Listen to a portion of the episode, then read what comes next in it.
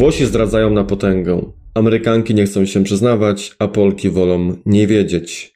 Życie jest zbyt krótkie. Miej romans, zachęca strona Ashley Madison, na której użytkownicy z całego świata szukają partnera do zdrady.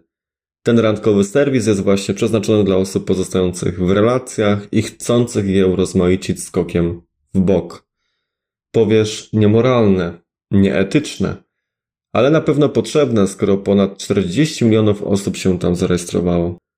Czym jest zdrada i kiedy tak naprawdę owa zdrada ma początek? Czy zdrada jest wtedy, kiedy myślimy o niej, rozważamy ją, kiedy randkujemy, czy kiedy dochodzi do stosunku seksualnego? Na pewno zdrada jest wtedy, kiedy czujemy, że narusza to nasze granice i czujemy się z tym niekomfortowo i zależy ona od oceny danego partnera. Badania pokazują, że dla mężczyzn i kobiet zdrada jest czymś innym. Dla facetów zdrada to przede wszystkim akt cielesny, natomiast kobiety są bardziej wyczulone w tej kwestii i za zdradę mogą uznać poświęcanie nadmiernej uwagi innej kobiecie. Tym samym rozróżniamy zdradę fizyczną i emocjonalną. To gdzie leży granica zdrady fizycznej? Zdecydowana większość młodych ludzi uważa, że dowodem niewierności jest pocałunek w usta, czy wysyłanie sobie rozebranych zdjęć, czy nawet siedzenie na kolanach. Również spanie w jednym łóżku, nawet gdy do niczego nie doszło. Kiedy możemy mówić o zdradzie emocjonalnej? Zdradzie emocjonalnej towarzyszy poczucie wyjątkowej więzi z drugą osobą, która oczywiście nie jest naszym partnerem. Znajomość taka rozwija się w szybkim tempie, zawrotnym tempie, jest coraz bardziej intensywna, aż w końcu staje się codziennością i nieodłączną oraz wyczekiwaną częścią każdego dnia. Znamienne jest to, że gdy dzieje się coś niepokojącego, smutnego czy wręcz przykrego, oparciem nie jest już partner życiowy. Pojawia się pragnienie dzielenia się z emocjonalnym kochankiem, nie tylko zmartwieniami, ale także radościami, planami i różnymi bieżącymi sprawami, a nawet sekretami. To wszystko pogłębia więź między ludźmi. Flirt, porno i masturbowanie się. Nigdy nie wiesz, gdzie leży granica i jak szybko zacznie się przesuwać. Flirt może być tylko zabawą, rozrywką, sztuką dla sztuki, ale równie dobrze może być punktem wyjścia dla czegoś więcej. Jeśli rozmawiamy o pozycjach seksualnych i mówimy, że chcemy je wykonać w takim duecie, w jakim prowadzimy dialog, to to już nie jest flirt. Werbalizowanie chęci do wykonania ćwiczeń z podręcznika Kama Sutry jest jednoznaczne. A czy oglądanie porno i masturbowanie się do niego, będąc w związku, to zdrada? A skąd? Zdrada wymaga przecież udziału drugiej osoby. Żywej, a nie takiej z komputera. W ogóle masturbacja jest ok. To znaczy wtedy, jeśli nie przeszkadza ci w normalnym seksie z partnerem. Gorzej, jeśli wolisz ją zamiast seksu. Czego szukamy w skokach w bok i przelotnych romansach? Staroświecki podział na pożądających mężczyzn i kochające kobiety nijak ma się do rzeczywistości. A dodatkowo wyszło na jaw, że kobiety po prostu lepiej zdrady kamuflują. Ewentualne różnice tkwią w powodach. Niektóre osoby nie wytrzymują bez dreszczyku towarzyszącego podrywaniu i zdobywaniu nowych trofeów. Inni chcą wzmocnić swoje ego, potwierdzając własną atrakcyjność. Mężczyznom chodzi przede wszystkim o seks, ale i chcą podbudować swoje ego, chcą czuć się atrakcyjni, chcą być potrzebni. Kobiety raczej szukają czułości, zainteresowania, no i analogicznie potwierdzenia swojej atrakcyjności. Oczywiście w grę może wchodzić również brak satysfakcji seksualnej w związku, nuda w łóżku, no i tak dalej. Niemniej jednak dużą rolę gra właśnie brak intymności, czyli pozostawienie na boku uwodzenia, kuszenia, przytulania i innych form bliskości.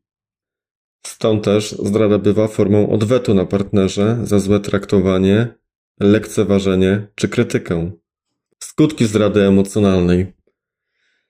Zdrada emocjonalna, choć może mieć charakter wyłącznie wirtualny, zwykle wpływa na codzienne życie i funkcjonowanie w związku. Ponieważ bardzo często dochodzi do porównywania przyjaciela bądź przyjaciółki do partnera, a ten zwykle wypada blado. Pojawia pojawia się frustracja, rozczarowanie, ale i złość. Czasem wrogość bądź nawet pogarda. Nie wróży to najlepiej. A często prowadzi do pogłębiającego się rozczarowania związkiem, co staje się powodem wielu kłótni i nieporozumień, a i rozwodu. Często jest bowiem bodźcem do podjęcia decyzji o rozstaniu, bądź kroplą, która przelewa czarę goryczy. Gdy pojawiają się fantazje erotyczne o przyjacielu czy przyjaciółce, skutkiem może być brak pociągu fizycznego do partnera życiowego, co może prowadzić właśnie do zdrady fizycznej. No i kto jest winny zdradzie? Można powiedzieć, że zawsze jest winna osoba zdradzająca, ale czy aby na pewno? Przecież zdrada nie bierze się znikąd. Może mieć wiele przyczyn i nie zawsze wynika ze słabości charakteru czy złej woli danej osoby. Najczęściej pojawia się w odpowiedzi na to, że w związku dzieje się coś niedobrego. Przynajmniej jednej ze stron czegoś w nim brakuje. Ciepła, satysfakcji seksualnej, czegoś dla niej ważnego. Może szwankowała komunikacja, może brakowało intymności albo chęci do pracy nad związkiem. I ślubuję Ci miłość, wierność i uczciwość małżeńską. Czy naprawdę myślisz, że przysięga małżeńska załatwi sprawę, że już nic więcej nie trzeba robić w związku? Sami może i nieświadomie, ale jednak pchamy swoich partnerów do zdrady, poświęcając im za mało czasu, lekceważąc potrzeby, traktując jak własność, jak przedmiot, zamykamy ich w klatce, zabierając im przestrzeń. Nie wystarczy raz złożyć przysięgę i zbierać przez całe życie plony. Wydaje się nam, że skoro zakochaliśmy się w sobie, to zawsze będziemy się rozumieć i odgadywać swoje pragnienia. Ale zaślepienie mija i raptem dostrzegamy, że coraz więcej nas dzieli. A gdy szwankuje komunikacja, deficyt potrzeb i oczekiwań rośnie. Tak naprawdę nad związkiem należy pracować przez całe życie, przez cały okres trwania właśnie tego związku. Zwracać uwagę na to, co jest ważne dla ukochanej osoby, ale oczywiście też nie bać się stawiać granic i walczyć o szacunek dla własnej osoby. Czy związek po zdradzie można odbudować? Zdrada to przyczyny rozstań wielu par. Zdrada nie musi oznaczać definitywnego zakończenia związku, bo czasem jednak zdrada staje się momentem zwrotnym, który pozwala partnerom zrozumieć, jak wiele dla siebie znaczą. Każdą relację należy traktować indywidualnie i pamiętać, że wszyscy mamy szansę się zmienić. Wspólna terapia, praca nad sobą, dobra wola. Wiele par udowodniło, że związek po zdradzie można odbudować i że może być on udany. Podchodząc jednak do sprawy zdrady czysto statystycznie, należałoby pozbyć się złudzeń i rozpocząć całkiem nowy życiowy etap. Tak jak nie ma jednej definicji zdrady, tak też nie ma uniwersalnej recepty na życie po zdradzie. Portale randkowe i nasze deficyty. Wracając do tematu portalu randkowego Ashley Madison, okazało się, że nawet 90% kont są fejkowymi. A właścicielowi portalu nie zależało na tym, by ludzie znajdowali na portalu romanse, lecz na zarabianiu na nich. Jest mnóstwo innych portali randkowych i generalnie media społecznościowe się rozkręcają. Czy to powoduje, że zdrady jest więcej? Bo bezsprzecznie ułatwiają poznawanie nowych osób i znalezienie potencjalnego kandydata na partnera. Trochę warto się zastanowić, z jakimi oczekiwaniami wchodzimy w takie relacje i czy wiemy, czego tak naprawdę chcemy. Warto sobie uświadomić, że my na początku nigdy nie zakochujemy się w drugiej osobie, ale w swoich myślach i wyobrażeniach oraz w obietnicy spełnienia naszych potrzeb. Wyobrażamy sobie beztroskie życie u boku takiej osoby. Dlatego między innymi powstają romanse. Nie dlatego, że kochankowie są lepsi od naszego aktualnego partnera. Prosto dlatego, że przy nich życie jest łatwiejsze. Nie ma dzieci, nie ma kredytów, nie ma obowiązków. Są po prostu obietnicą lepszego jutra. Odskocznią od problemów dnia codziennego. Bo trud dnia codziennego zastępujemy kolacjami, wspólnymi wyjazdami, hotelami, Czujemy się przy takiej osobie atrakcyjni, znowu ważni.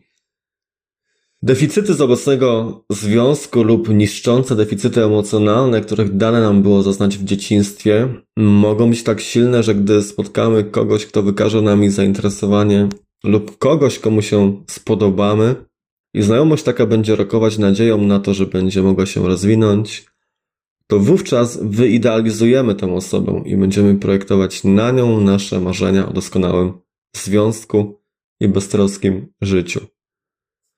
A kiedy ktoś fantazuje, ma dużo oczekiwań. A co się dzieje, kiedy te oczekiwania nie zostaną spełnione? A przeważnie nie zostaną, bo nie mogą. Gdy emocje zakochania trochę opadną, zaczynamy dostrzegać tę osobę taką, jaka jest w rzeczywistości.